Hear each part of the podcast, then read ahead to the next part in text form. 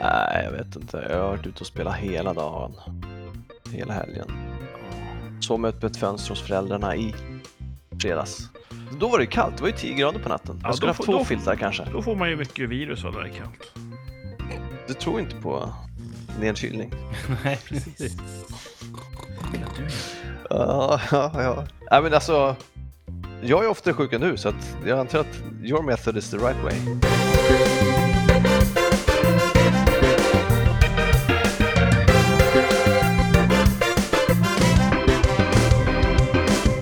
Glad midsommar i efterskott och välkomna till Rikssamtal-podden. Eh, Jag, Kurt, sitter här i vår distribuerade sändningsstudio tillsammans med Thomas, halli hallå! Hallå, hallå! Och så Martin förstås, hallå! Tjena mors. Välkomna tillbaka från en litet, ett litet midsommarlov. Mhm. Just det! Ja. Eh, ledig fredag. Ja, Mm. Ja. En del sa ju när eh, den 6 juni skulle bli en, en helgdag att det behövs väl inte. Det är ändå midsommarafton som är Sveriges riktiga nationaldag. Håller ni med om det? den, den firas... Eh, den har fler traditioner, midsommar, än... Ja. Nationalen har ju bara flaggpunsch. Det är nog fler som uppmärksammar mi- midsommarafton Mm. än som uppmärksammar nationaldagen. Ja. Jag träffade faktiskt eh, folk som inte firar midsommar. Jaha.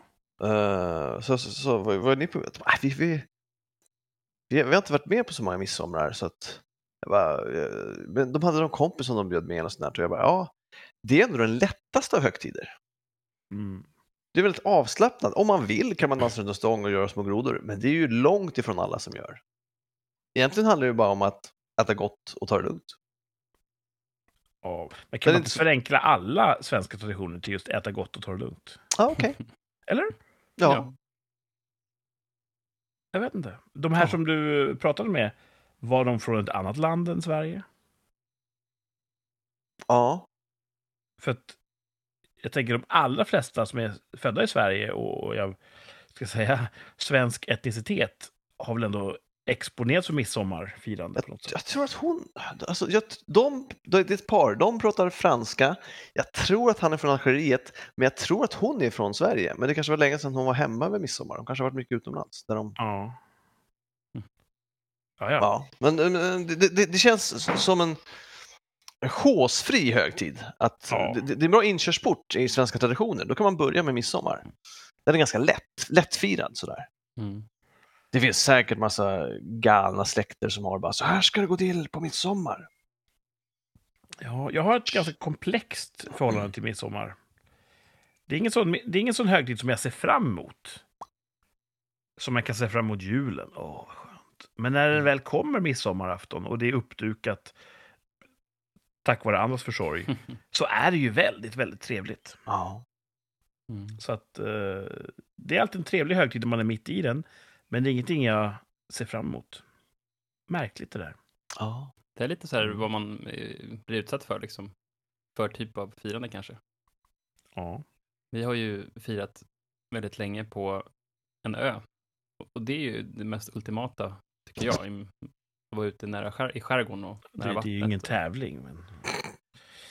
Men det är det man mer- tänker. När man, Ja, alltså om, man ska, ja. om, man ska, om man ska be AI måla en bild av en svensk midsommar så skulle det vara Ja. på, en, på en ö med en Dina flaggstång färger och var blå. Men just så här att dra, dra sig till någon slags allmän eh, jättesolvarm Skansen. sommar. Ja, men typ åka in till stan och gå på något sånt där jättefirande. Det, det är jag inte så mycket för.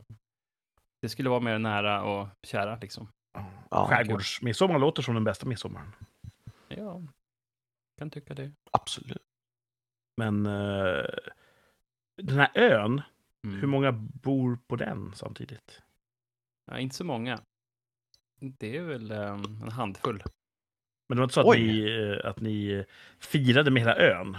Nej, eh, jag, kan ju, jag kan ju börja ta min vecka. Shoot dude. Ja, Så blir det liksom, så går vi in på midsommar. Den kom ju där i slutet av Ja, veckan. precis. Ja, men för vi har firat med samma gäng som råkar ha ett sommarställe på en ö ute i skärgården. Ehm, och det har vi gjort de senaste 12-13 åren. Oj! I alla fall jag. Sen har säkert frugan, hon har känt eh, frun i familjen där sedan barnsben. Så att, ehm, jag har fått vara med ganska länge i alla fall. Ehm, och då åker man ut på fredagen, eller kanske och med på torsdagen ibland, och så sitter man och käkar eh, midsommarbordet nere på en brygga precis vid vattnet. Och, eh, och det som de gör där är att man inte går till stången den dagen, utan dag två, så eh, midsommardagen, då tar alla båten till en, en ö som ligger. Eh, Då tar alla, eh, ja, alla i närheten en båten dit och så firar man midsommar där. Ah. Det kanske är 100-150 pers som det- Då det dansas. Då dansas det runt, eh, runt eh, stången och det är dragkamp och det är Mm. springa med potatisar och hoppa säck. Och, Oj, organiserat liksom. Ja, och det kanske är bra så att inte folk fyller kör båten från sillbordet. Liksom. Slipper man stressa eh, den dagen då, så att man kan bara fokusera på att äta, sen bara ta det lugnt. Eh, Ja, det är smart. Det lär väl vara ett, ett problem i skärgården, eh, sjöfylleri säkert. Ja, och det är bra att man kan som, ta bort Mm. motivationen lite grann där. Så att, um, nej, men det har varit extremt bra. Och i år så hade de eh, ett- en, ett par som är med, hade med en eh, systerns dotter då, som är från, från Danmark, åttaårig eh, danska. Så vi pratar lite svensk-danska. Svårt. Mm. Det är lite svårt för oss. Alltså, vi kan ju bara pusher-danska. Vi kan ju bara fula ord på danska. Ja. Um, så man får, får liksom bita sig i tungan och inte säga fuck man när någonting går till skogen och sådär. Var, Ehm, det, var det nära att du sa det? jag sa det några gånger fast hon var inte riktigt i närheten. Det Ehm, här är bra. jag kunde inte riktigt.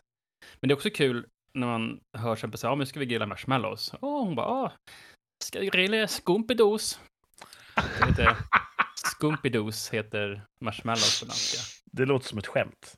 Ja, och sen så fick man spisa ostepuffs. Ostbågar eller ostbollar. Ja, precis. Och sen så, jag vet inte, jag, jag vet att Kurt är så och jag vet att jag är så och Thomas är, tycker att vi är pinsamma när vi är så. Att vi gillar ju att smaka på språk. Ja. Mm. Och när man åker ute på semestern och man är i Spanien, då börjar man bara säga random saker på spanska och sen Man läser sak. skyltar högt. man läser skyltar, menyer. Hola! Ja, precis. Bara helt random ord hela tiden. Och så är det också när man har, eh, ja, man ska kanske inte sitta och bara slänga ut sig massa saker. Men det är kul ändå tycker jag. Mm. Språk är roligt. Så man är en man med en span. En man med en hink. Tycker Ja, jag var kul. det. Ja. Ehm, Eh, så det var inte bara fest och förstörelse, det var också lite eh, folkbildning. Ja, precis. Mm. Jag måste spara in på det också.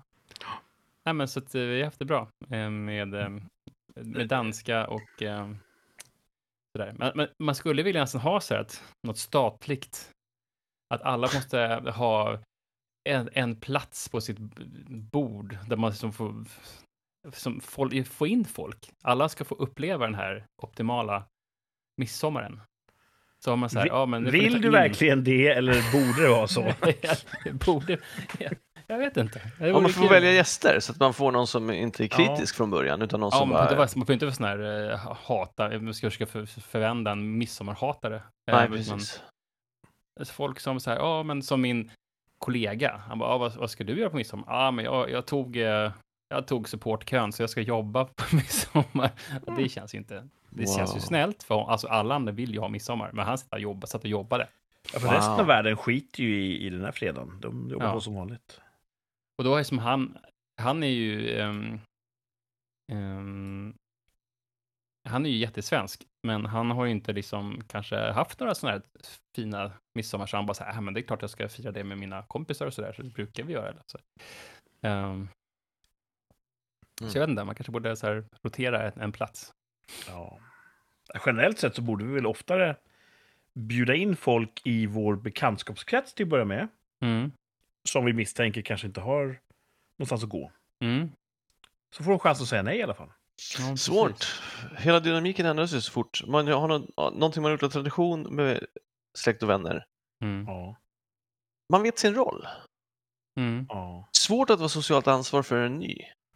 Ja, så kan det vara. Och det är ju den fall- tråkiga inställningen som gör att det blir så, så sällan. Men Man kanske måste ha festat med någon i alla fall någon gång, så inte här att åh, dricker snaps och sen ska man hoppa liksom från taket ner i vattnet eller något sånt där. nej, kan ju spåra ut. Vissa kan verkligen. spåra ut på midsommar. Ja, det är tricky. Jag vet inte. Tricky Ja, det är med- tricky, tricky. Tycker med nya bekantskaper, fall- krycker med att blanda grupper. Ja, precis. Jag jag fick i Blanda fall, eh, shufflegänget med beachvolley-gänget. Vad kan hända då? Blanda precis. folkslag. Ja, men vi, fick i alla fall visa en, en dansk, eh, ett danskt barn fick vi visa midsommar. Nu var hon bara åtta år, men Ja. eh, finns det något liknande i Danmark? Tror inte det. Alltså inte? Jag trodde ändå att det var en Det var nordisk säkert högtid. någon, alltså jag tror inte de har samma sak som vi har, det tror jag är ganska unikt, men de firar säkert någonting. Um, Fläskestekens dag. Kurt googlar, firar man midsommar i Norden? Nej. Nej, men jag, så, jag, Men hon tyckte ju, det var kul antar jag. Det är ju en... jag, jag skickade ju en länk till er när de livestreamade ett eh, jättebål i Norge. Ja, just ja. Var, var det, just det, var ju live, så det är klart att det hade med midsommar att göra. Jag tror det. De kanske liksom tänder, det är kanske det som deras valborg då, jag vet inte. Det var typ 50 meter hög stapel med lastpallar. Ja. Fan sjukt. Det kan jag rekommendera eh, och jävla kolla brasa. på. Um, Vilken stad var det i? heter kontot? Uh, så kolla. Det är bra radio. Ja. Men- Söker man på norskt bål så kommer Ja. AI att hitta rätt bål, tror jag. Precis. Det kan inte finnas något som, som slår det där. Nej, det var riktigt coolt. Eh, Sånt skulle jag tänka mig att eh, det är kanske är Bygga. sånt, sånt de gör. Liksom. Och jag skulle också vilja bygga det. Jag skrev det på deras, eh, på deras eh, Instagram, att kan jag inte komma till Sverige och elda upp det där? Givetvis så skrev någon att, eh, åh, vilken miljöförstöring. Va? Ja. Slinningsbålet i Ålesund. Slinningsbålet. Ålesund. Slinningsbålet, kolla upp det. Jäklar vilken brasa. Ja, det brann rejält. Mm. Mm. Eh, men det är väl det jag har hunnit med här sen senast. Um, Jag, eh, när vi nu pratar om midsommar, ja. man tror ju att man att man är traditionsenlig för att man gör samma sak som man gjorde förra året. Mm. Jag tror ju att jag firar midsommar. Men jag lägger ju inte blommor under kudden och jag hoppar inte över gärdsgårdar. Och Nej. Det är mycket för att du redan är gift. Vad sa du? Precis. Jag dansar inte runt någon stång. Nej. Så att det är också intressant att eh, Mm. alla tror nog att de, att de gör precis lagom mängd med, med högtid varje gång. Ja. Ja, men det är som Ja. du sa det där, när vi var inne på det, det är det som är det sköna kanske med midsommar och hö- högtider, att man kan lägga nivån lite grann. Vem av oss tre tror ni är mest midsommar-hardcore? Ja, Martin låter det som. Alltså jag är ju midsommar hardcore by proxy, skulle jag Ja, men det är svårt att slå skärgård känner jag. Ja, men Ja. det är inte på grund av att jag har sökt, alltså jag bara hamn, som slank in det på bananskal. Du behöver inte försvara dig. Hade, hade jag till exempel inte varit gift med den personen jag är, så hade jag ju säkert suttit någon annanstans och kanske varit hemma hos min bror och käkat mig som en midsommarlunch istället. Jag tänker att din syster är också Ja. duktig på att fira midsommar. Hon känns lite tradition, eller? Din syster, Din? min, eh, ja men Och det kanske bara är för att hon har bott på en hembygdsgård. jag tror den slutsatsen. Det var det faktiskt. Så, ja, det gör någonting med den all- off. Ja. publika auran. Jag har lite farlig rödfärg i blodet. ja. Men jag kan tänka mig, hon, hon är väl också ganska sådär. Så, min mor kanske har eh, ärvt ner lite sådana gener för henne. Mm. Vi får höra. Thomas, berätta om din midsommar så kan vi jämföra. Ja, jag var hos föräldrarna, åkte ut Ja. På fredagen. Väldigt lugnt. Jag tror inte, vi lämnade inte tomten. Vad Eh, skönt. Ja, skönt. Jag trodde vi skulle åka och bada, men det gjorde vi inte. Det gjorde vi på midsommardagen istället. Men det var ju Mm. härligt då. I den lokala sjön eller i den större, så att säga, det större vattnet? Ryss Ja, ja. Där ryssar går Gräver. sitt öde till mötes. Ja, eller om det är ryscha tror jag de menar. Ja, det, är ingen, det är ingen som vet varför den heter så än. Nej. Eller, for- eh. Men eh, så, då var det där. Vi har ett sånt... Eh, min farfar byggde ett poängspel som vi spelar ofta på somrarna. Så det spelar vi. Mm. hur, hur Eh, går det till? Det är en rektangulär trätavla med poäng.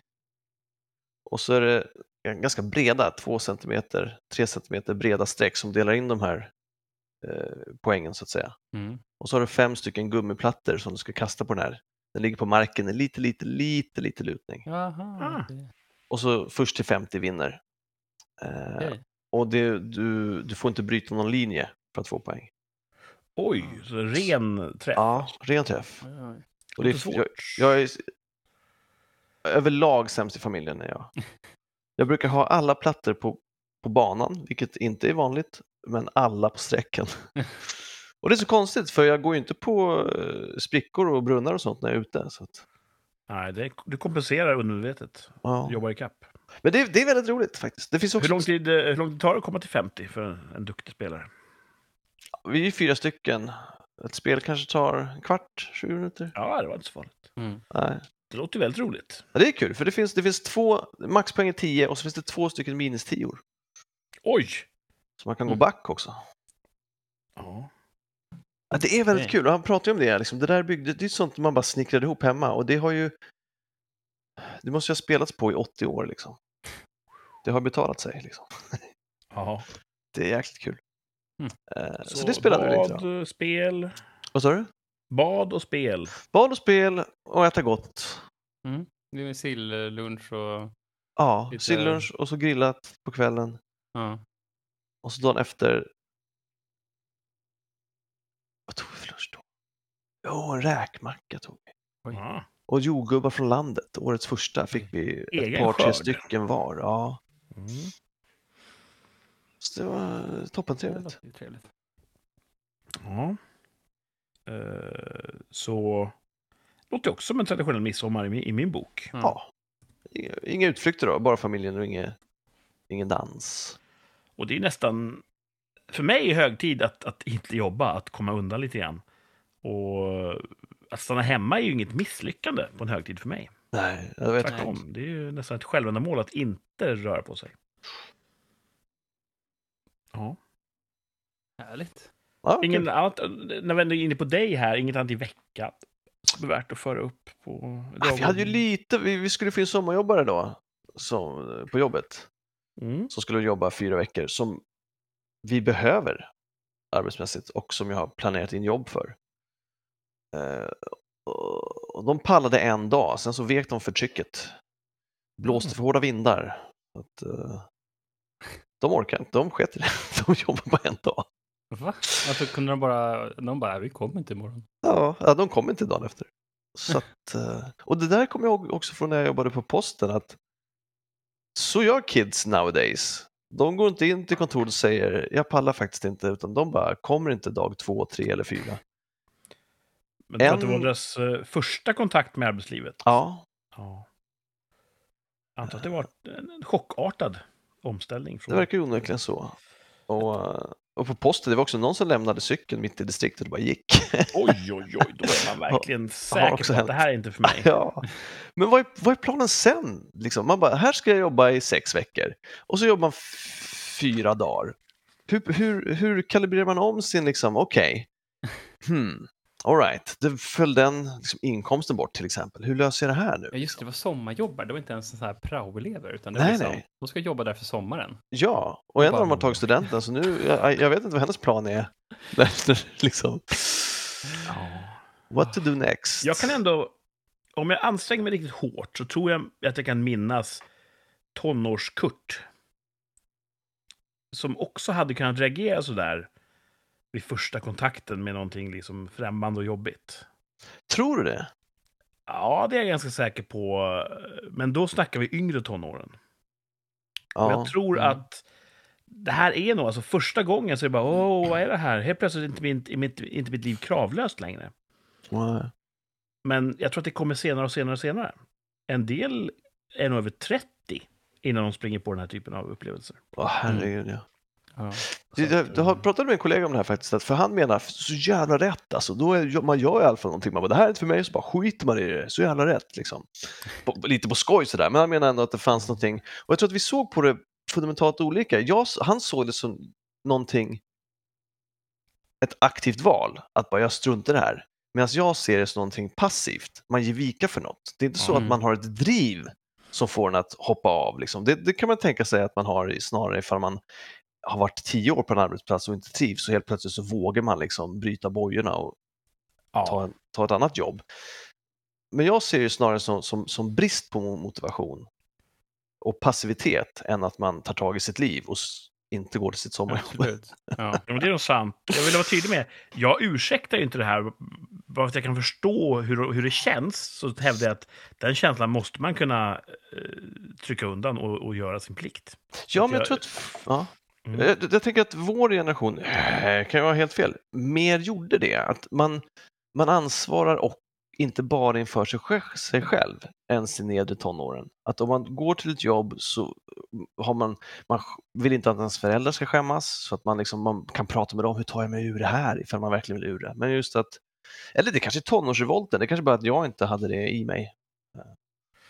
Ja, Jag vet inte. Ja. Eh, Man har ju sett på tv, populärkultur, hur Dolly Parton säger till chefen, hörru, kör upp det här jobbet i rökan.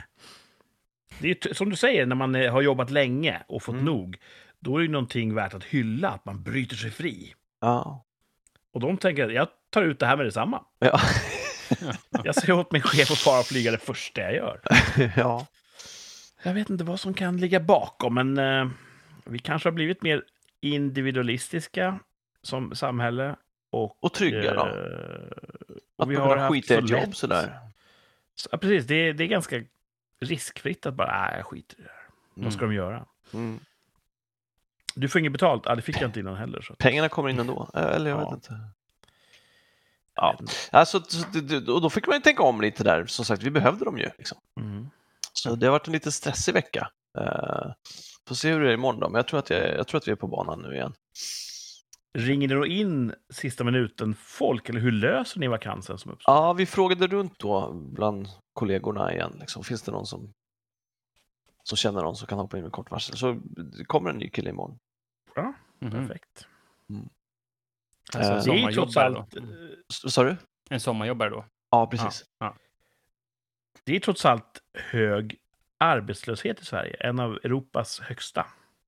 Ja, det kanske är för att folk inte vill jobba då, inte för att det inte finns jobb. Ja. Jag, tänker, alltså, ursäkta nu om jag kliver någon på tårna, men ett sommarjobb känns som att det borde vara ganska okvalificerat. Ja, Det krävs ingen högre utbildning. nej. Man måste vara trevlig och kunna förstå direkt vad man ska göra och sen göra det. Ja. Och det borde vara jättemånga som inte har ett jobb som skulle kunna vara i, eh, i den eh, träffbilden. Ja. Jag blir ju, det ska vi komma ihåg, jag, jag, jag drar ju ibland stories i, i våra poddar om hur rörd jag blir när jag ser unga människor jobba. Mm. Så det gör jag uppenbarligen. Det finns massa, massa unga människor som faktiskt jobbar. Och det, Mm. det värmer mitt gamla hjärta. Hashtag inte alla unga. Nej, verkligen. Mm. Eh, och sen så har det varit ett fantastiskt fint väder. Ja. Det finns glass kvar från när vi firar 50 år på jobbet så man har kunnat äta glass till efterrätt eller på På eftermiddagsfikat. jobbet alltså. Mm. Wow. Ja, det är fantastiskt. Är det glass från den här, vad heter de, GB? Jag vet, jag tror det är Triumf, det är från glassgubben, han hade ju sån här kulglass. Så jag, jag, Ja, jag var tror att det är Triumfglass. Mm. GB har ju tydligen bytt ut mjölken i sin Big Pack mot någon ärtsaft. Ja, Det låter jättedumt. spännande. Och då har de fått ner klimatavtrycket med 23 procent. Ja, inte i världen va? Utan just i deras jävla glasslåda. Just runt det glasspaketet tror jag klimatavtrycket Ja. eh, lättar något. Och det är väl på sätt och vis bra att de som tycker att det är viktigare än god glass, då har de någonting de kan välja. Mm. Ja. Får se vad om det är så många som, Det- som väljer. det. Det här har vi pratat om tidigare, men jag, bara, jag hörde en grej som jag tänkte nämna. Det här hybriset vi har i Sverige Mm. om att det vi gör gör skillnad för klimatet. Det var någon som sa att hela Europas utsläpp står för 7% av världens och vi minskar. Mm. Medan Indien och Kina fortfarande ökar. Så ifall hela Europa bara slutade använda allt eller sjönk i havet eller något så skulle det ta två eller om det var fyra år. Sen så är vi över nivåerna igen och det kommer inte märkas att Europa har funnits. Liksom. Mm. Så att, eh, jag tror man Jag satsar på fel saker. Liksom. Jag är dåligt påläst och man ska inte lyssna på någonting jag säger i den här frågan. Men jag har för mig att Kina tidigare låg eh, per capita hade de lägre utsläpp än oss. Mhm. Mm. Så För att de var så många. Jättemånga. Så vi var ju smutsigare än dem. Men jag tror att de har gått om oss per capita. There you go. Vilket är dåliga nyheter, för de är ju jättemånga capitor. Mm. Så... eh, Och Indien, tänker jag, de eh, vill ju inte bromsa sin utveckling. Såklart inte. Nej. Så svårt sånt där. Ja. Eh, Man vill ju inte smutsa ner i onödan. Men Nej, det måste vara lite rim och reson. de Ja. fattiga länderna som man vill få upp över Yes. slags eh, tröskel. Då, för att har man inga pengar så köper man givetvis en moped eller någonting.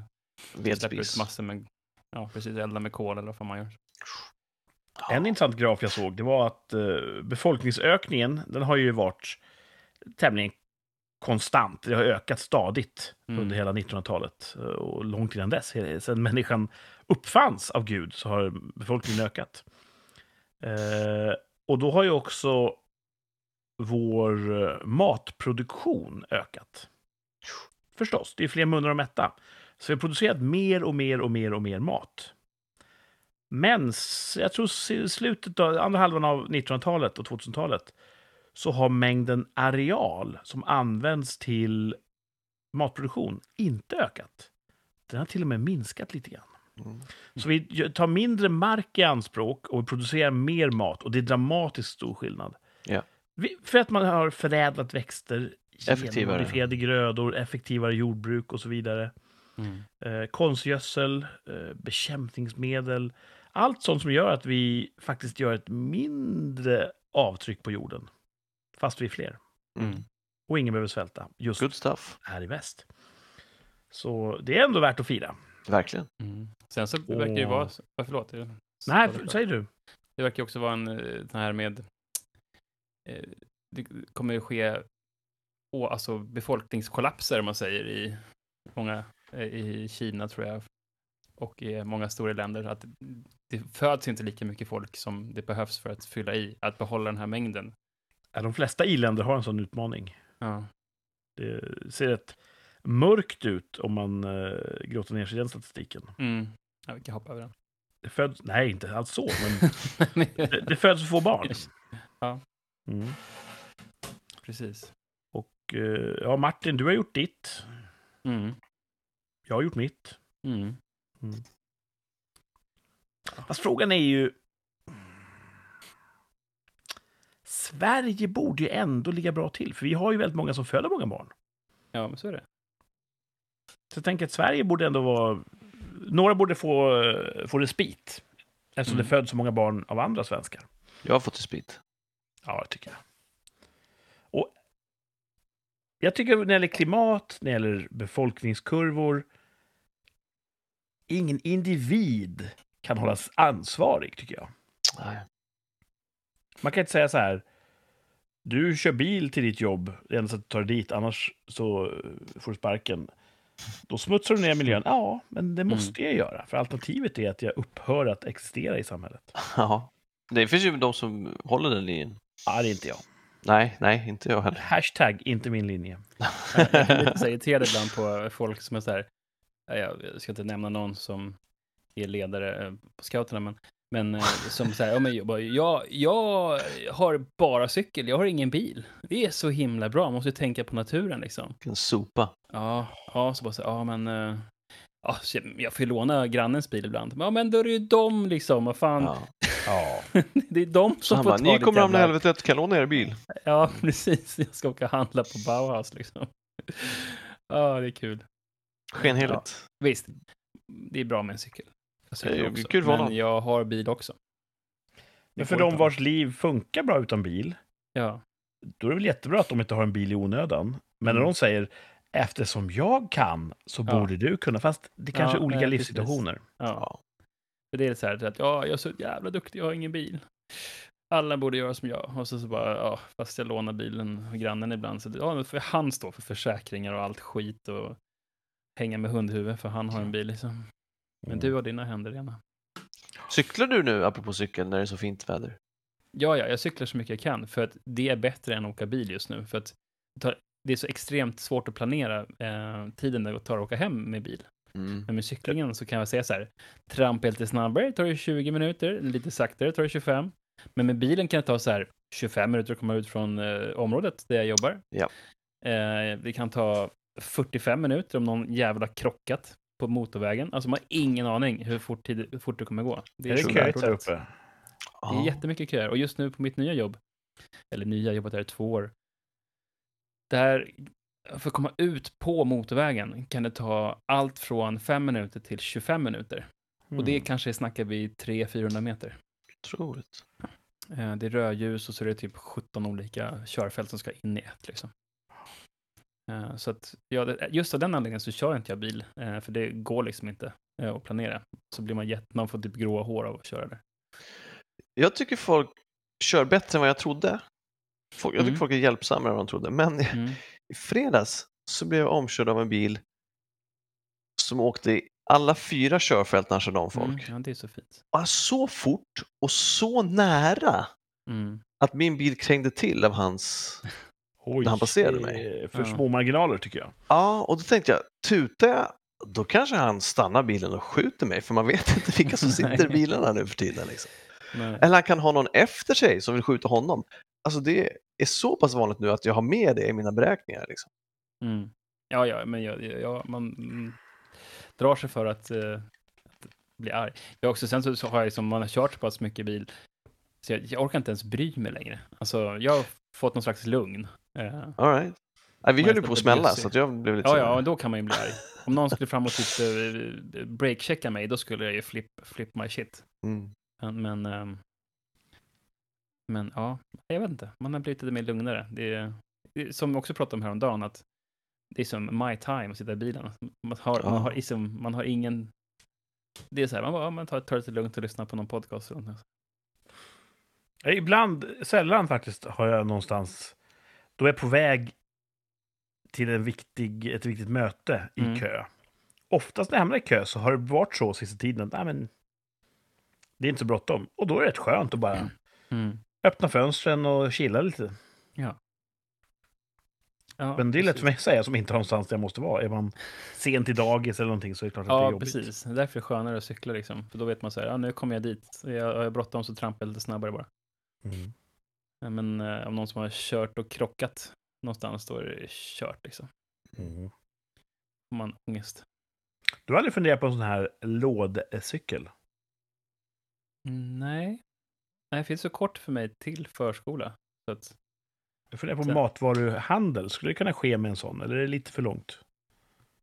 det skulle absolut kunna ske. Alltså, Ja. så långt är det inte till närmaste varuhuset. Det finns ju batteridrivna motsvarigheter också. ja, visst. Så det, jag tycker de verkar lite klumpiga. Eh, men det där är nog en vanlig grej. Det är många som kör omkring med sina barn och sådana där. Eh, men som sagt, vi har fem minuter till förskola. Så det, jag har, däremot, jag pratade om förut, har jag en sån liten sadel på min ram till min yngsta dotter på min Ja, det. mountainbike. det är Funkar den bra? Ja, det funkar skitbra. Känns det säkert? skitkul. Det gör det faktiskt på ett sätt. För att hon är ju hjälm förstås, men hon sitter ju också innanför mina armar och liksom. Mm. Jag skulle kunna, om det ska hända någonting så kan jag, om det inte är en för stor olycka förstås, men jag kan ta ganska mycket av smällen. Om vi går omkull kan jag, kan jag, då får jag axel och arm och såna grejer i backen först.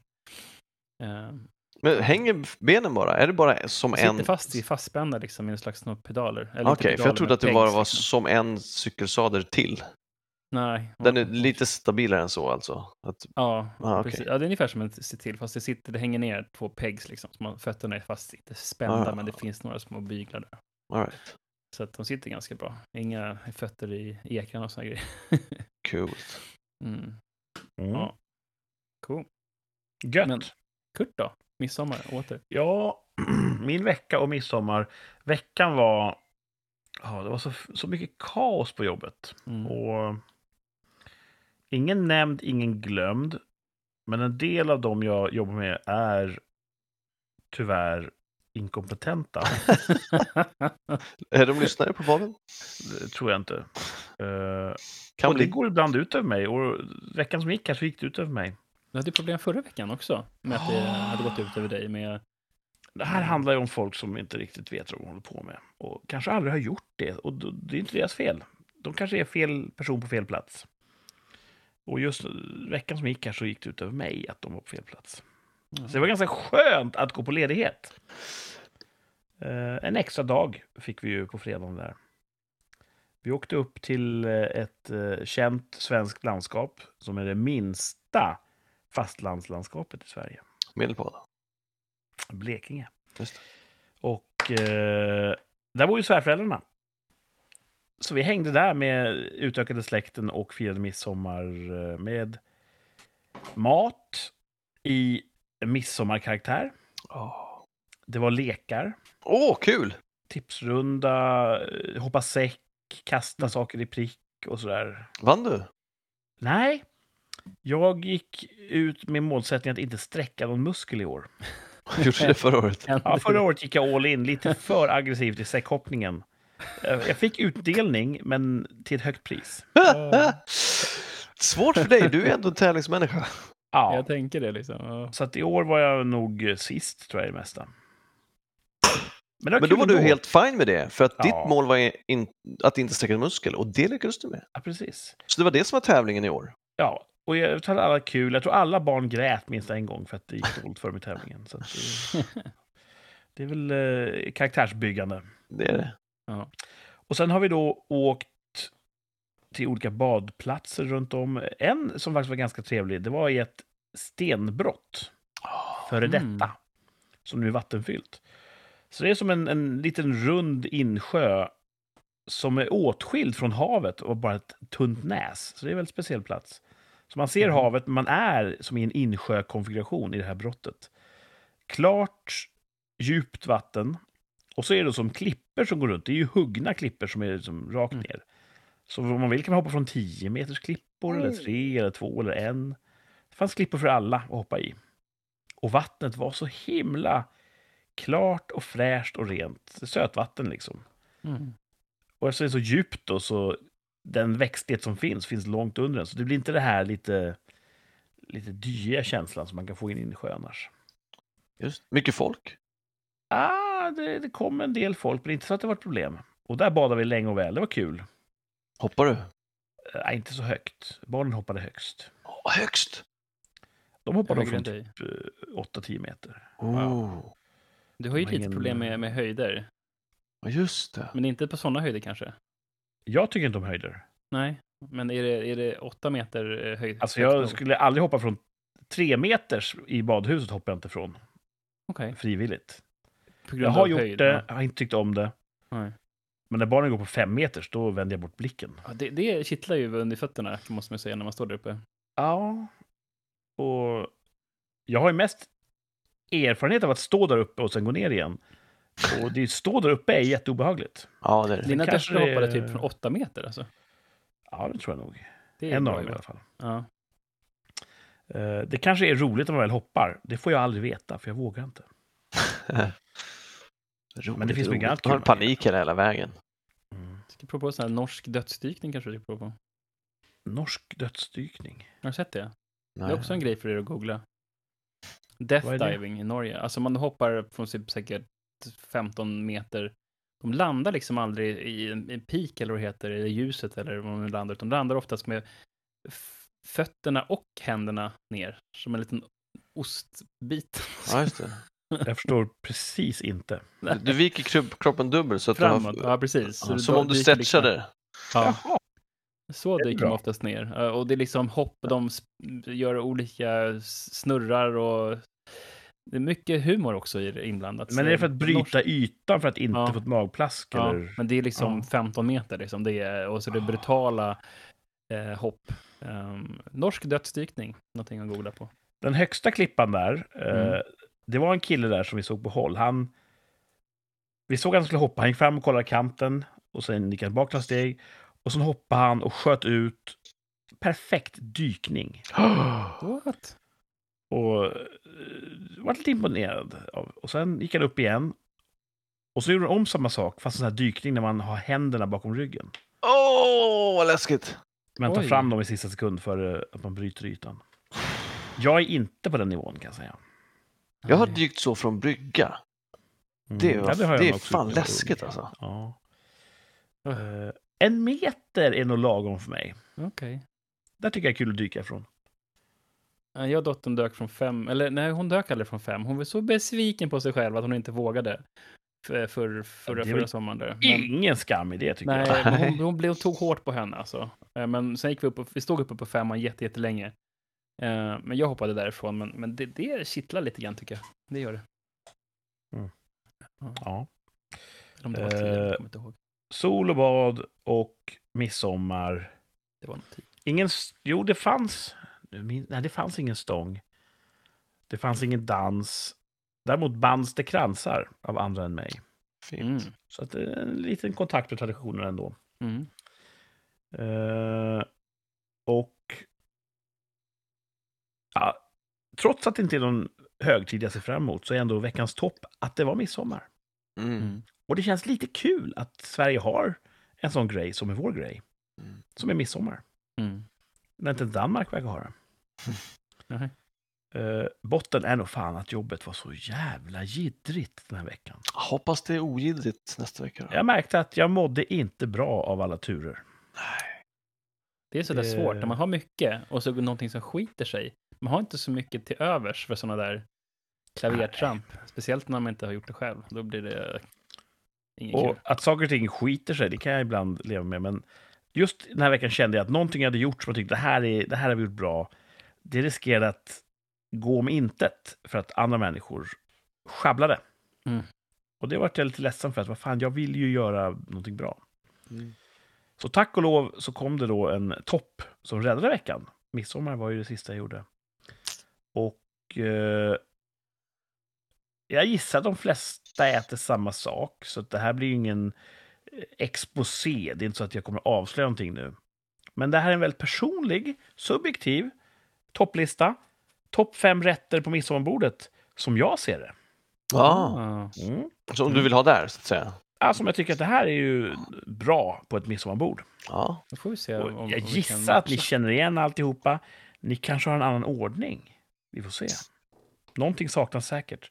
den här Femte är plats. rangordnad alltså. Ja, topp fem rätter på midsommarbordet. Minst bra, men ändå väldigt, väldigt bra. Kokt potatis. Som man kan Mm. äta när som helst hela året i Sverige. Men den är fan extra god just på midsommar. Mm. Med det här tunna, tunna skalet. Och... Ja, det är något visst. Och när man äter mer med tillbehören så blir kokt potatis en självklarhet. Mm. Mm. Annars är ju potatis i kokt form den sämsta potatisen. Inte för att den är dålig, utan för att allt annat är bättre. Pommes frites, mos, eh, rösti. Det finns så många goda sätt att äta potatis på. Mm. Kokt potatis är väl någon sorts baslinje där. Ja. Men på midsommarbordet vill jag fan inte ha pommes frites. Nej. Nej. Så kokt potatis, ah, det är objektivt gott på midsommar. Mm. Eh, fjärde plats.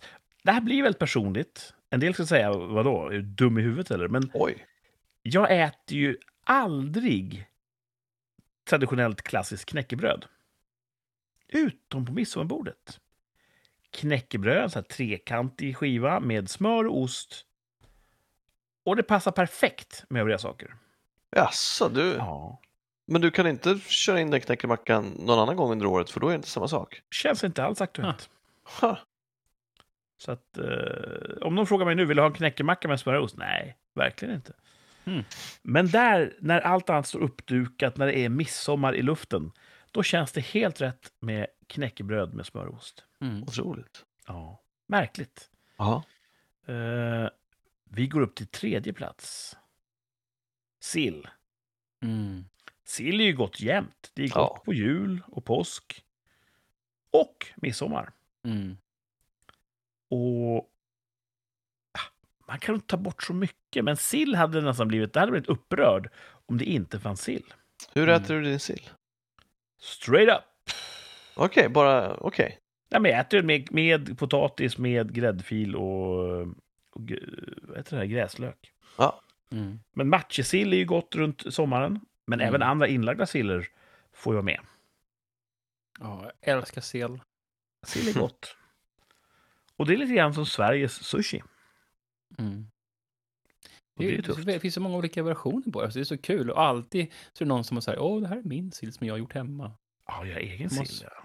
Får man smaka på den? Och, ja, det Jag, aldrig, jag tror aldrig jag har gjort det.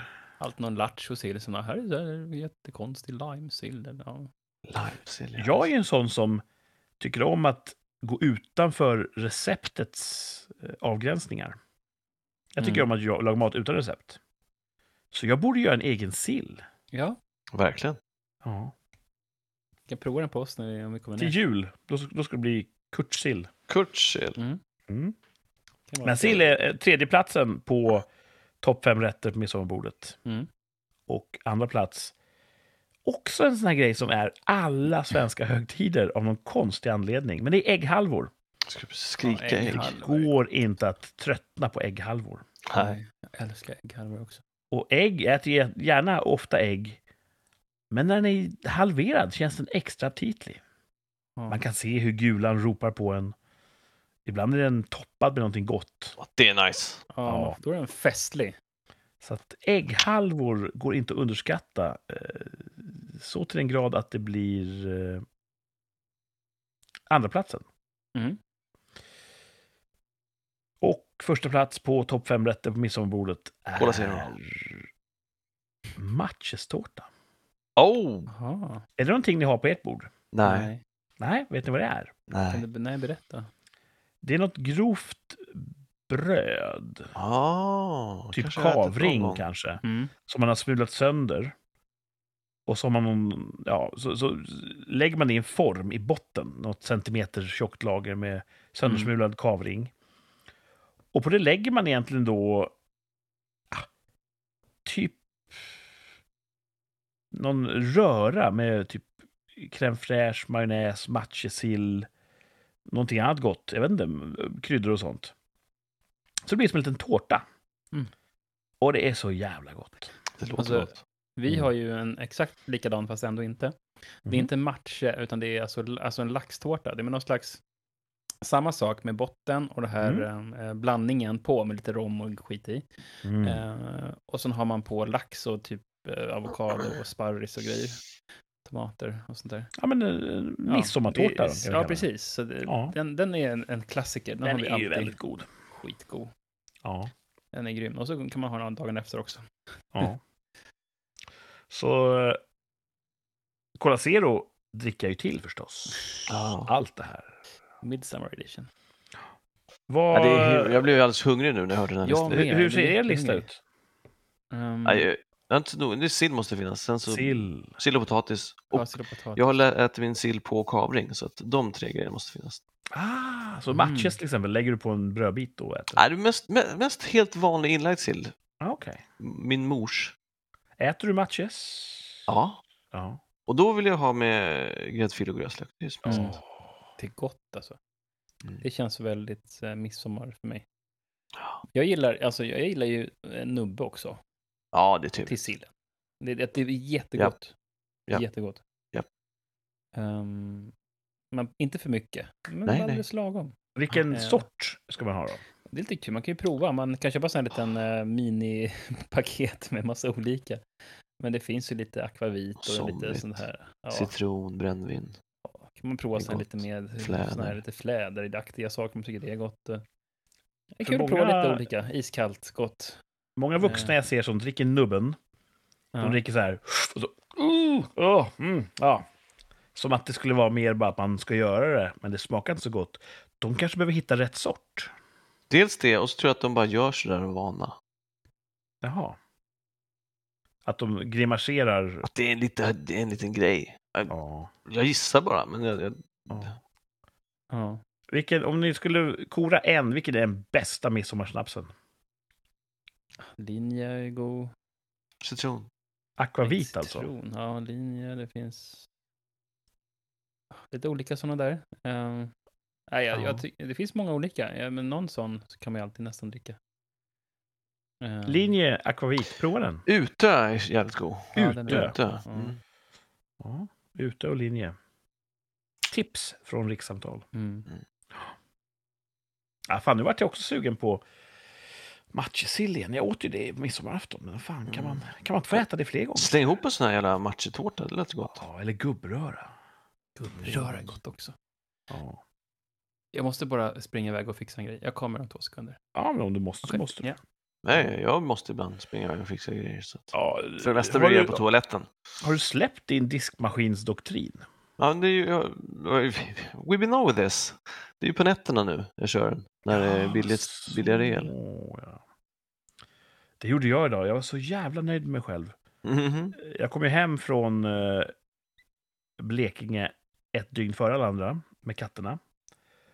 Och då hade jag sett till att när jag kom hem så var det absoluta prissvackan för dygnet. 10 öre styck kostade elen. Styck. Och- Ja. Och då slog jag till och körde tvättmaskin och diskmaskin på det här lyxiga 70-gradersprogrammet. Åh, vad rent det blev.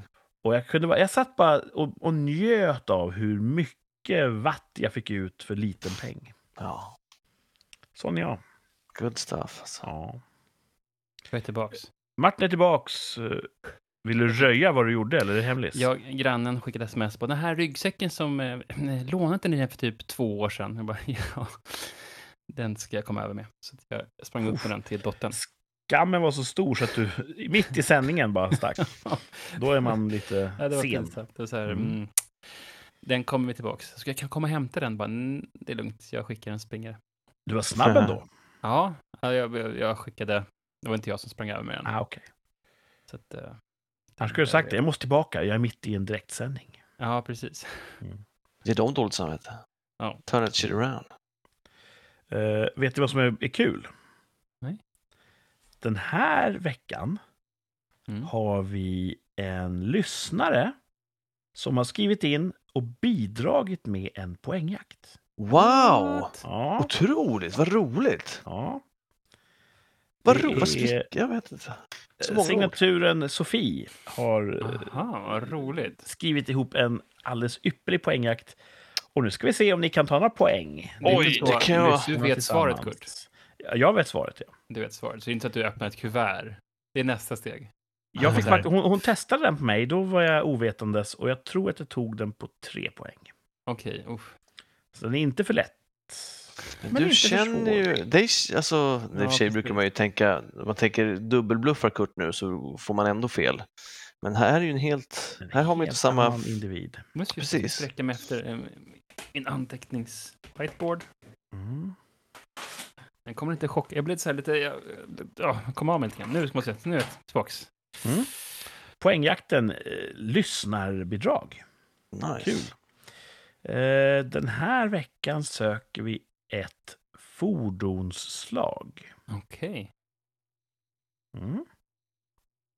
Kan ni många fordonsslag? Alltså, är det som landskap, att det kan vara massa olika saker, eller är det typ bil är en fordonslag och båt är ett annat fordonslag? Det skulle man kunna säga att det är, ja. Ja, då, Mhm. då, det är de jag kan. Typ. Ja. Hoppas det är någon av dem. Ja. Vi börjar här då. Fem poäng. Inspirerat av en tysk 30-talskonstruktion kallad Silberfågel. Jag chansar. Oj. Det här fordonsslaget är inspirerat av en tysk 30-talskonstruktion kallad Nej, nej, jag gör inte alls det. Silberfågel. Du kan ju skriva ändå i din marginal där vad du tänkte chansa på, så får vi se. Ja, men det, ja. Får inga extra poäng då. Men du kliver inte av. Nej. Eh, Lag Martin, hur går det för dig? Det går inte bra.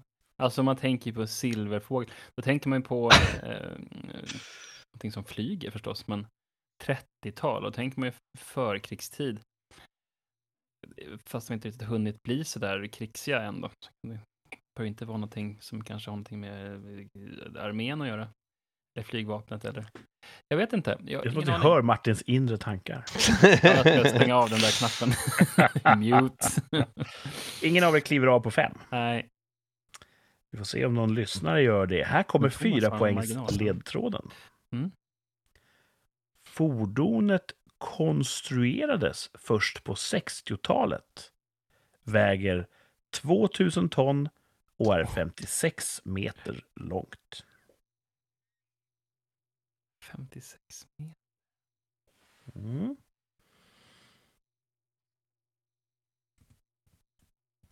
Vad kan det vara för fordon? 2000 ton. Det Det är är ganska mycket ton. Det är många ton. Ja. Åh, jag vill chansa igen. Oj. Vill du chansa på någonting annat? Ja, skitsamma. Jag chansar här. Det spelar Thomas- inte så stor roll. Thomas kliver av alltså på fyra. Det är coolt.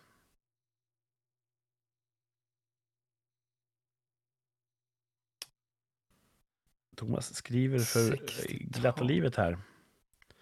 Det här kommer du vara irriterad på för det är mitt i massa text, men jag ska försöka singla ut det sen. Jag... Hur tänker känner du Martin? Vill du kliva på fyra? Jag tänker på en specifik, eh, ett specifikt fordon. Ja. Nej, det här är fel. Får jag Ja. okliva av? ja, det är klart du får. Okej, Som, som är enormt, alltså som är så sjukt stort. 56 meter Ja. ungefär. Ja, just det här, alltså... Nej, shut up. nej, men, Eh, jag, jag, har, jag har ritat en bild på den. Ehm, jag, kan ha det, jag ska ha det som... eh, Okej. Som du kanske kan få poäng då för att du ritar ja, en bild. kanske, ja, precis. Jag har ritat bild Men- som på. Bara Ja, för- men jag, jag hoppar inte av än. I en anda av tydlighet, ingen av er har hoppat av. Nej. Nej. Nej. Då går vi till tre poäng. Eh, Så här långt har vi då fått lära oss att det är inspirerat av tysk 30-talskonstruktion kallad Silbervogel. Det konstruerades först på 60-talet, väger 2000 ton och är 56 meter långt. Och här kommer trepoängsledtråden.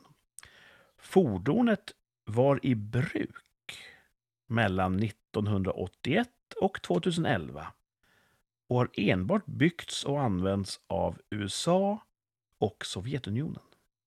Jaha. Okej. Va? Mm. USA.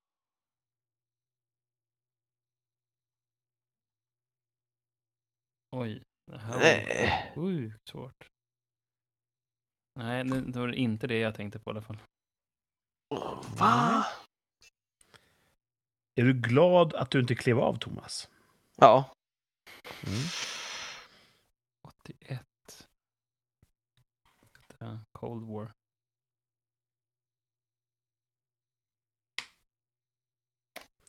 Fordonet var i ja. bruk mellan 81 och 2011 och har enbart byggts och använts av USA och Sovjetunionen. Inte den blekaste alltså. Nej. Nej, och då måste vi gå vidare till två poäng. Ja, men det Ja. var det här du tog det, Kurt? Ja. Det var det här du tog det? Mm. 11. Nej, ja, fuck it. Jag, jag, det här var en jättebra Ja. fempoängare. Mm. Vi tar tvåpoängsfrågan då, Ja. Ledtråden. Här kommer den. Återanvändbar. Till skillnad från sina nära släktingar. Tanken rymmer fem, 530 000 liter flytande syre, vilket går åt på åtta minuter. Okej, då kan jag gissa.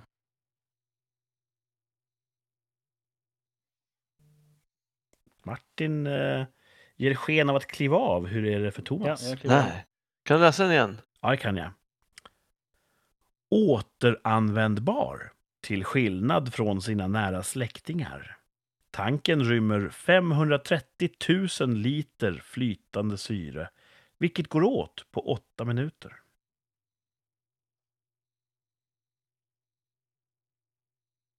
Nej, oh shit. Vänta. Martin Det har skrivit inte fel. vara... Alltså 530 000 liter. Ja. Ja, men det är rimligt ändå. Okej, ja. Jag tror jag skrev 530 liter här. Det är bara så här, fan, det var ingenting. ja, det är ungefär en tusendel av den faktiska. Mm. Men det är ändå... Vänta nu! Nej, nej, nej! Oh, oh, oh. Vänta, nu. nej. Jag ändrar mig. Jag ändrar mig. Va? vet jag, vet, Jag vill kan jag det verkligen här? veta hur Martins gissningsväg har Ja, det här får Jag vill höra, nej, nej, nej, jag vill höra alla gissningarna här i slut. Jag Okej, med. vänta nu. Nu är jag... Nu är. Okej. Var det en tredje grej? Nej, ja, typ. Fast... Åh, är du shit, tillbaka där. på den första? Ja, 130 notera 000. dina, dina hopp.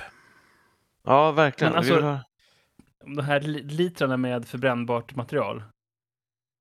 Det var inte så att det, det var under en, ett, en hemsk olycka som det förbrukades. Va? Nej, det var inte... Okej, jag kan komma, återkomma till den sen. Ja. Det är många kubik alltså. Eh. Jag är lite diffus på, har någon av er klivit av? Jag tror jag har klivit av. Jag tar det på det. Okej, ja. Jag Ma- tänker på en grej, men den, eh, kan jag det här ordet? Kan jag det här fordonslaget? Ja. Är det en underkategori som har något speciellt namn? Sådär? Jag kan inte säga för mycket. Nej, jag förstår. Uh, nej, jag behöver... Uh, är det ett rim på sista? Ja. Ja, skönt. Har Martin, är Martin klar Jag förresten? hoppat av. ja. Martin har klivit av. Nu har alla hört det. Hela Sverige har hört. Martin har klivit av på två poäng. Men han, har- han valde mellan tre olika grejer på Ja, två och jag poäng. är Har så du bestämt nyfiken det? på vad han har valt. med Och han får ju, du, du får inte, om en av dem är rätt så får du inte rätt. Du måste välja en av dem, Martin. R- Ja, Ringa in den du har valt. Ja, men jag har inte skrivit. Ja, okej. Ja. Mm. Och sen lägger du ner pennan. Vi Ja. litar på dig. jag tror inte Martin fuskar. Eh, jag har känt honom längre än dig. Här kommer ett poängsledtråden. Används varken på land, i havet eller luften. Rimmar på skymd snärja.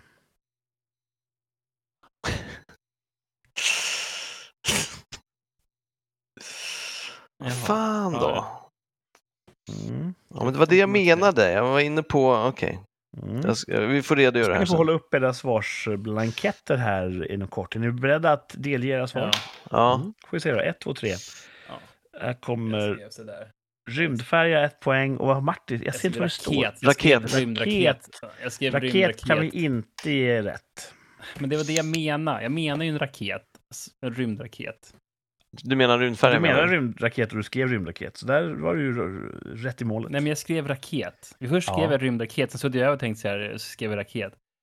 Ja, ja, Men det är en rymdfärja som är svaret? ja, men jag menar ju raket som åker upp i luften. Ja, det är Ja. Men det är fel. Det är fel Va? svar. De används ju fortfarande. Elon Musk använder ju en. Ja, Rymdfärjan har ju pensionerats. ja 2011. den sitter fast på en booster menar ni? Ja, jag tyckte också, det var den här underkategorin som var förvirrande. Jag är, Rym, rymdfärjan är ett eget fordonsslag Okej. som skiljer sig från raketen Ja, just i sin återanvändbarhet. Och att den är konstruerad efter en 30-talsidé kallad silverfågel. den var ju jättebra, varför tog de bort den för? Ja, Jag tänker på så här V2-raketen och sådär. ja visst. We too. Ja, bra. Och då, om vi ska vara helt strikta, så fick Thomas ett poäng. Bra jobbat. Thanks man. Och Martin, du kan inte få rätt för raket. Men du kan få en halv poäng om du berättar samtliga gissningar du har hoppat runt med. jag här är ganska, häng med på den här resan. Mm. Först tänkte jag så här, silverfågel, tänkte jag, okej. Då tänkte jag på något faktiskt någonting som flög, men det sa jag där. Men sen så tänkte jag på den här 2000 ton och så jättestor. Tänkte jag på en sån här grävmaskin som gräver kol. Ja, en bagger. Och så tänkte jag som kanske kommer från silver, någonting silver mining. Mm. Du vet, som gräver silver. Eller, Ja, men så här, du vet, så här enorm grävmaskin med så här 17 000 skopor som går runt bara så här, som Ja. gräver kol i Tyskland. Den kanske är 56 meter, kanske är en, jag tror det kanske hjulet bara är 56 meter stort. Sen tänkte jag så här 53, 530 som, alltså kubikmeter, tänkte jag zeppelinare ett tag. Jag Mm. är också inne på. Ja. Eh, så tänkte jag liksom, om du förbrukar det på åtta minuter, var det då när den brann liksom? Det, Det gick nog jag fortare än åtta minuter. Katastrofiska. det var ju vätgas. Ja, precis. Jag vet. Ja. Det är inte flytande eh, syre, det hade varit jättedumt. Men jag tänkte det en, en millisekund, sen så strök jag det. Och sen så blev det rymdraket och sen raket. Men ehm, just det, den här Challenger, var det Challenger som... Du ändras från rymdraket till raket. Jag vet inte varför jag gjorde det. För det var en sån, nej vänta! ja, men det var, nej, det var massa, det mycket som försiggick i mitt huvud. Ja. Ehm, Det är ju svårt när man inte har facit. men, Ja. ja. ja, just det. Men en rymdfärja har väl en raketmotor? Ja, precis. Den, framdriften bygger på, på jetprincipen, alltså raketdrift. Eh, Sen har den ju hjälp av boosterraketer för att ta Ja. sig upp. Och när de släpper taget då så är den ute i rymden, då är den ju en rymdfärja. Mm. Och sen åker den ner till jorden igen och landar. Mm. Eh, till skillnad från sina nära släktingar, men det är ju en sanning modifikation, för SpaceX har ju börjat bygga återanvändbara raketer. Ja, Mhm. precis. Så att, men när den var i bruk så var den ensam om att vara återanvändbar. Okej. Och eh, personligen tog jag det just på årtalen 81-2011. Ja. Det ringde en klocka om att den pensionerades där. Den sista rymdfärjeturen skedde 2011. Mm. Och det har ju skett några hemska katastrofer också. ja, det har det gjort. Två, va? Eller fler? Challenger är mest kända. Ja. Columbia var- sprängdes inte den också? Just det. Det känns, känns som att det kan vara någonting som man kommer ihåg. Jag tror att jag och farsan var inne i rymdfärjan när vi var i Houston, Texas. Coolt. Mm. Det var en, eh, en, en, en tuff farkost. Är det, är det väldigt trångt? Ja, men den är större än man tror. Okej. Mm. Men bra jobbat! Poängjakten. Det var Och tack till lyssnaren som bidrog. Ja, verkligen. eh, framförallt signaturen Sofie. Vilken Det bra poängjakt. Ja, superbra. De Ska flesta. se hur rollspelsgänget, eh, de brukar vara väldigt ivriga att lösa poängjakt. Se hur de tar sig an den här poängjakten. Eh, det som är bra, det, det kände jag även själv när jag försökte lösa den. Att den ger möjligheter i väldigt spretiga riktningar. Mm. Jag blev ju omkullkastad till höger och vänster här kände jag. Mm. Jag var inne på, på fyra poäng, 2000 ton och 56 meter. Jag var inne på sjöfart. Jag tänkte det, det Ja. är det enda som är rimligt. För du hade väl en poängjakt med, sjöf, med ett fartyg? Säkert. Jag minns inte sånt. Han gav. Ja, han Ja, gav just fartyg. det. Mm. Mm. Eh, vi vänder blad och blickar bakåt. Midsommar för ett år sedan. Vad tjötar vi om då? Um, vet inte. vet ni aldrig. Jag hade inte heller vetat om jag inte hade läst det. Semestrar kanske? Ja, Nej, vi pratar val och inte svenskt val den här gången. var det... Det var ju det här mellanårsvalet i USA år 2022. Right. Om man inte är jätteintresserad av amerikansk inrikespolitik så är det väl något sånt som kan komma och, och gå utan att man märker det. Men det handlar ju då om att Demokraterna hade ju både senaten och huset. Men de var på väg att tappa huset, representanthuset. Och frågan var ju då, blir det majoritet för Republikanerna efter mellanårsvalet i november? Så formulerar vi frågan och vi uttalar Mm. oss alla tre väldigt, väldigt tvärsäkert. Och på olika sätt, vad spännande. Ah. En av oss sa nej då. Två av oss sa ja med klar stämma. Hur blev det då? Har en rätt eller har två rätt? Eh, två stycken får rätt, för svaret är ja. Eh, I mellanårsvalet så förstärkte Demokraterna sin, eh, sitt övertag i senaten lite grann. Så de behöll då makten över senaten. Men Republikanerna... Oj, ursäkta. Det, oh, en gäspattack. Oh, Det är ett torrt ämne. Republikanerna tog över representanthuset. Så de fick majoritet där. Så det blev ja. Thomas sa ja. Martin sa Ja. nej då. Nej, oj då. Och jag sa ja. Boom!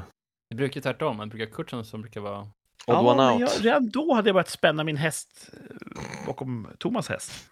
Spänna min vagn bakom Thomas häst. Spänna på Thomas häst. Mhm. Så eh, ja, jag och Thomas fick rätt. Jag vet inte varför jag sa ja. Jag, jag, inte jag heller, jag vet inte vad det betydde.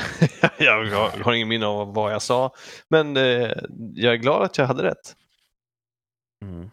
Det Mm. är kul att ha rätt ibland. Ja. Det är kul. jag tror oftare än, än, än inte så har någon i rikssamtal rätt på tvärsäkert. Ja, Det, det är också en ja nej-fråga. För det mesta så kör vi inte... Det är undantagsfall som alla säger samma va?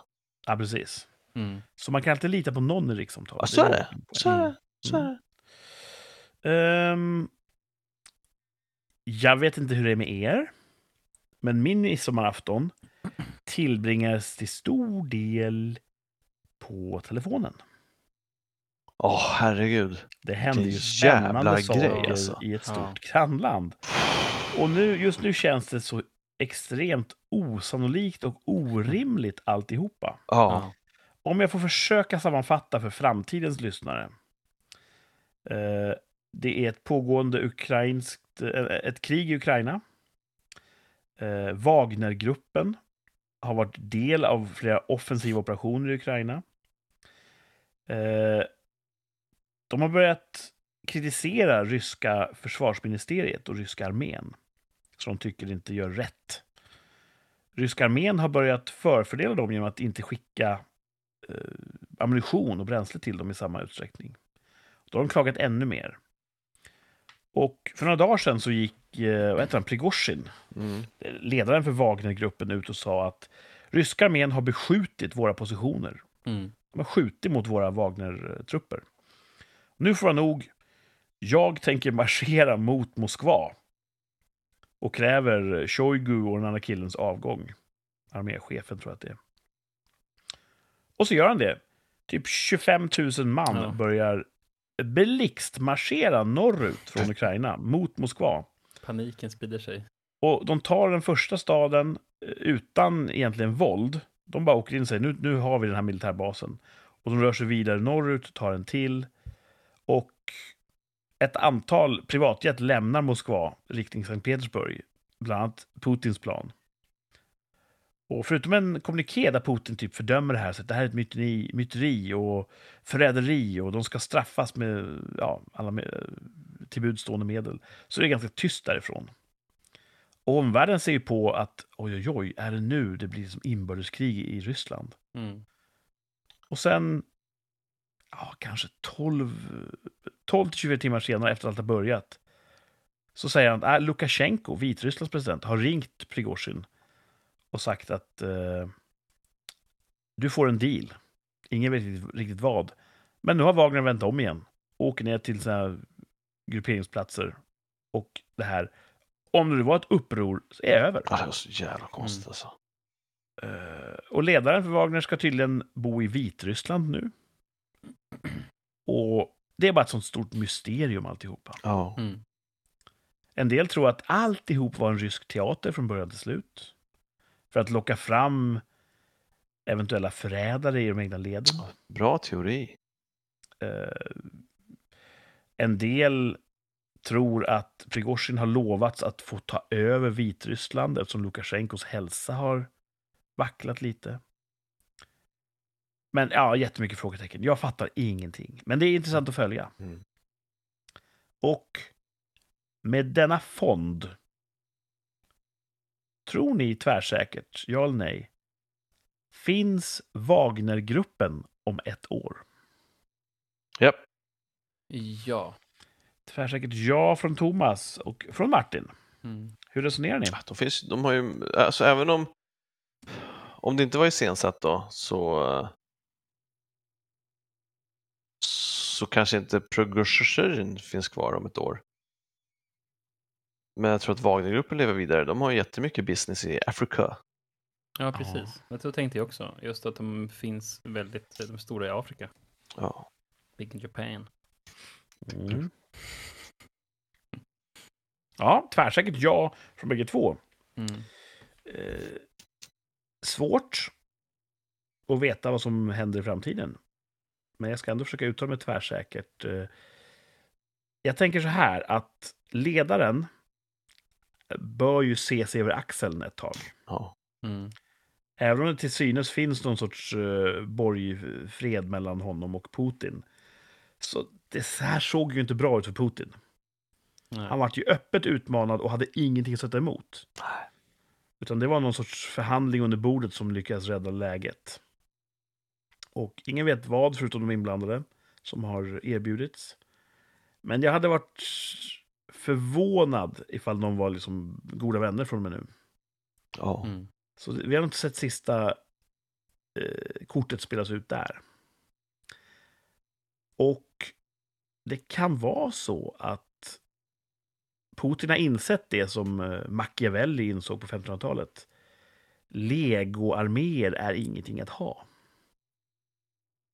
Och det visar att det var ett ganska stort hot att ha en sån mäktig väpnad resurs som Ryssland faktiskt inte har kontroll över. Annat än att de kan betala pengar till dem. Mm. Mm.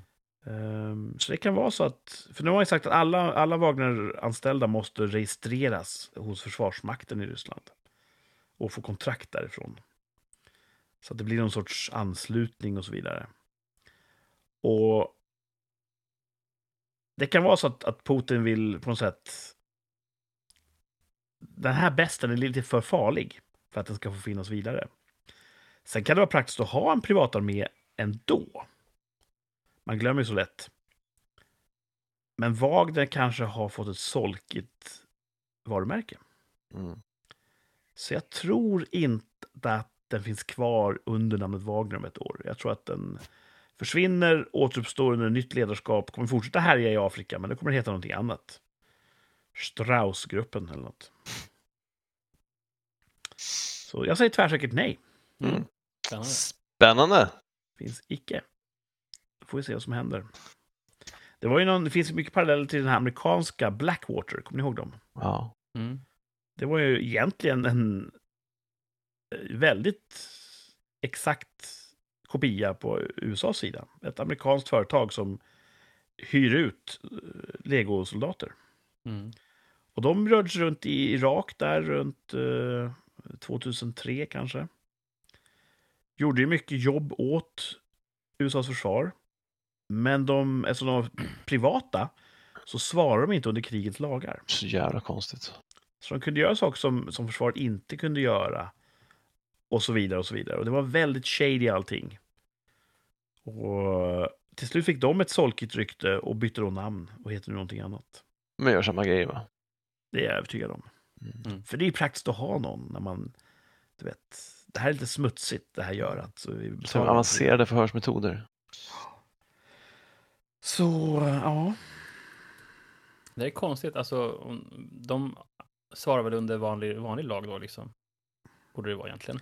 Jag vet inte, alltså om de är i Irak borde det vara irakisk lag. Ja, precis. Och Irak, det fanns väl ingen som var sugen på att åklaga dem. Så att, eh, Nej. jag vet inte hur det funkar. Mm. Svårt. Svårt. Kanske behöver någon sån grupp i Sverige. Ja, det skulle vara lite spännande. Om, om Sverige skulle ta in en, en eh, ett, vad heter det? Pr- Private Military Contractor. Ja, typ Linnégruppen eller något sånt där. Ja, precis. Linnégruppen. Vad skulle de, vad skulle de ägna sig åt? Vad skulle bli deras första... Ja, men typ tillfångata grovt kriminella och eh, jag vet inte, köra runt dem i en skåpbil och sen så släppa ut dem och säga nu, ajabaja.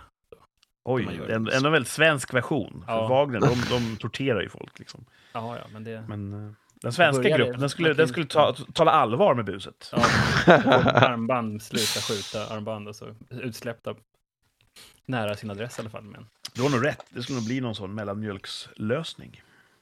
Ja. Ja. Tur är väl det, att vi bor i ett snällt land. mm. Kanske.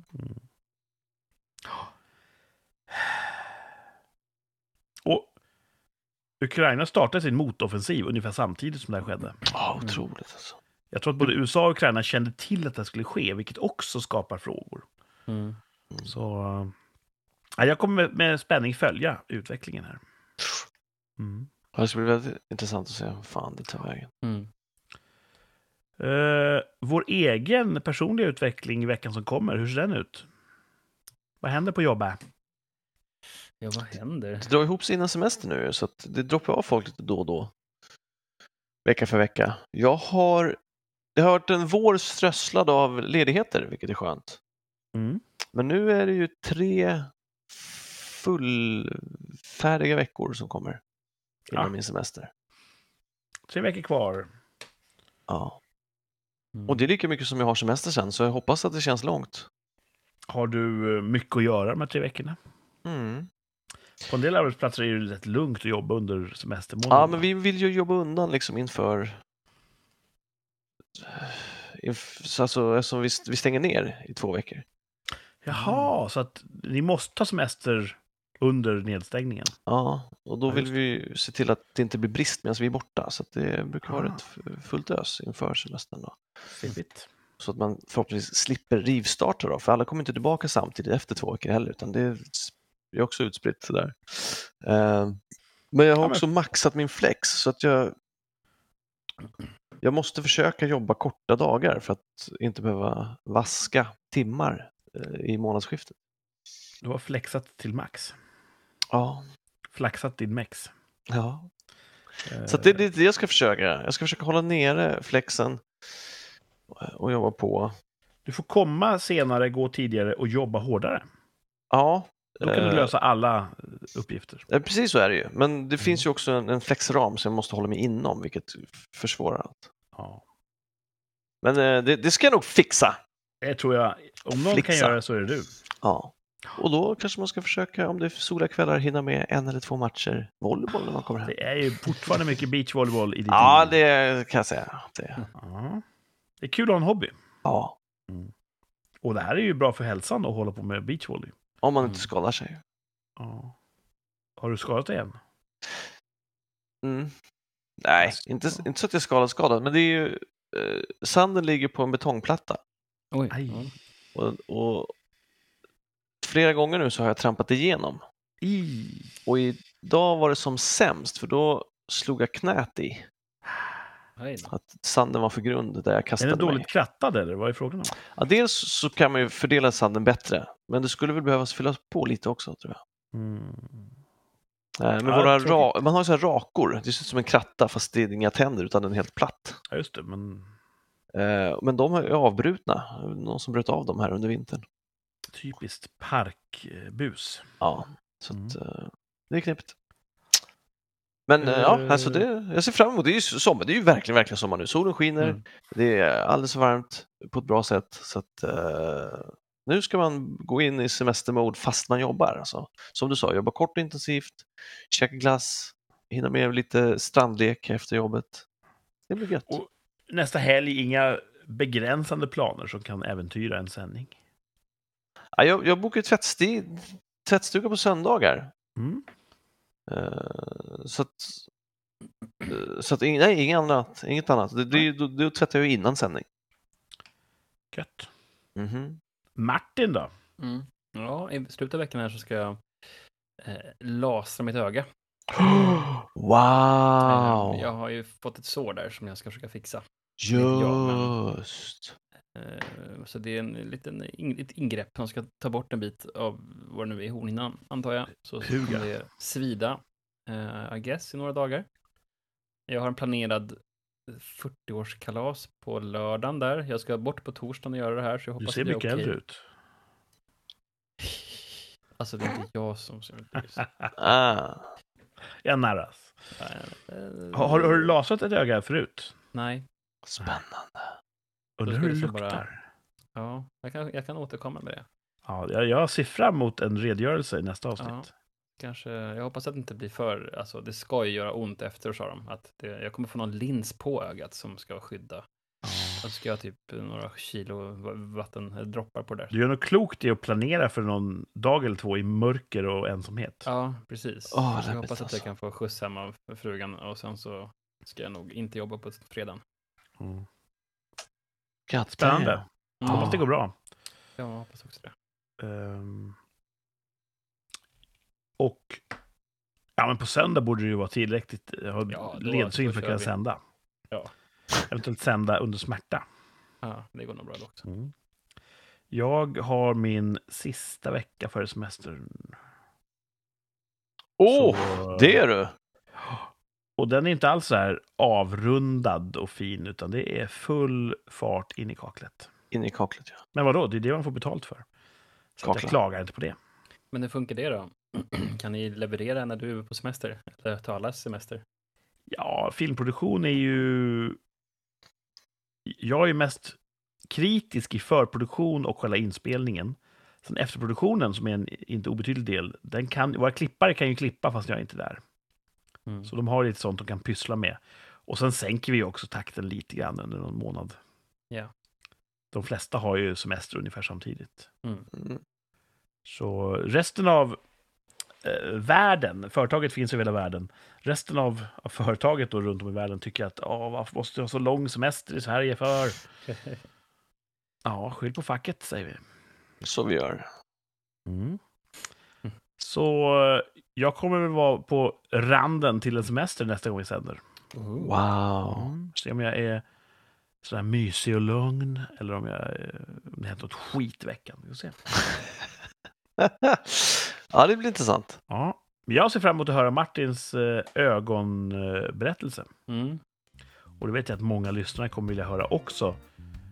Och då är de välkomna tillbaka till Rikssamtal nästa avsnitt. Ja. Det här tycker jag vi tar och rundar av här. Mm. Tack för att ni har lyssnat. Tack för att ni var med, Martin och Thomas. Och eh, ha det så bra, så hörs vi i nästa avsnitt. Hej då! Hej då! Tja bara. Hej.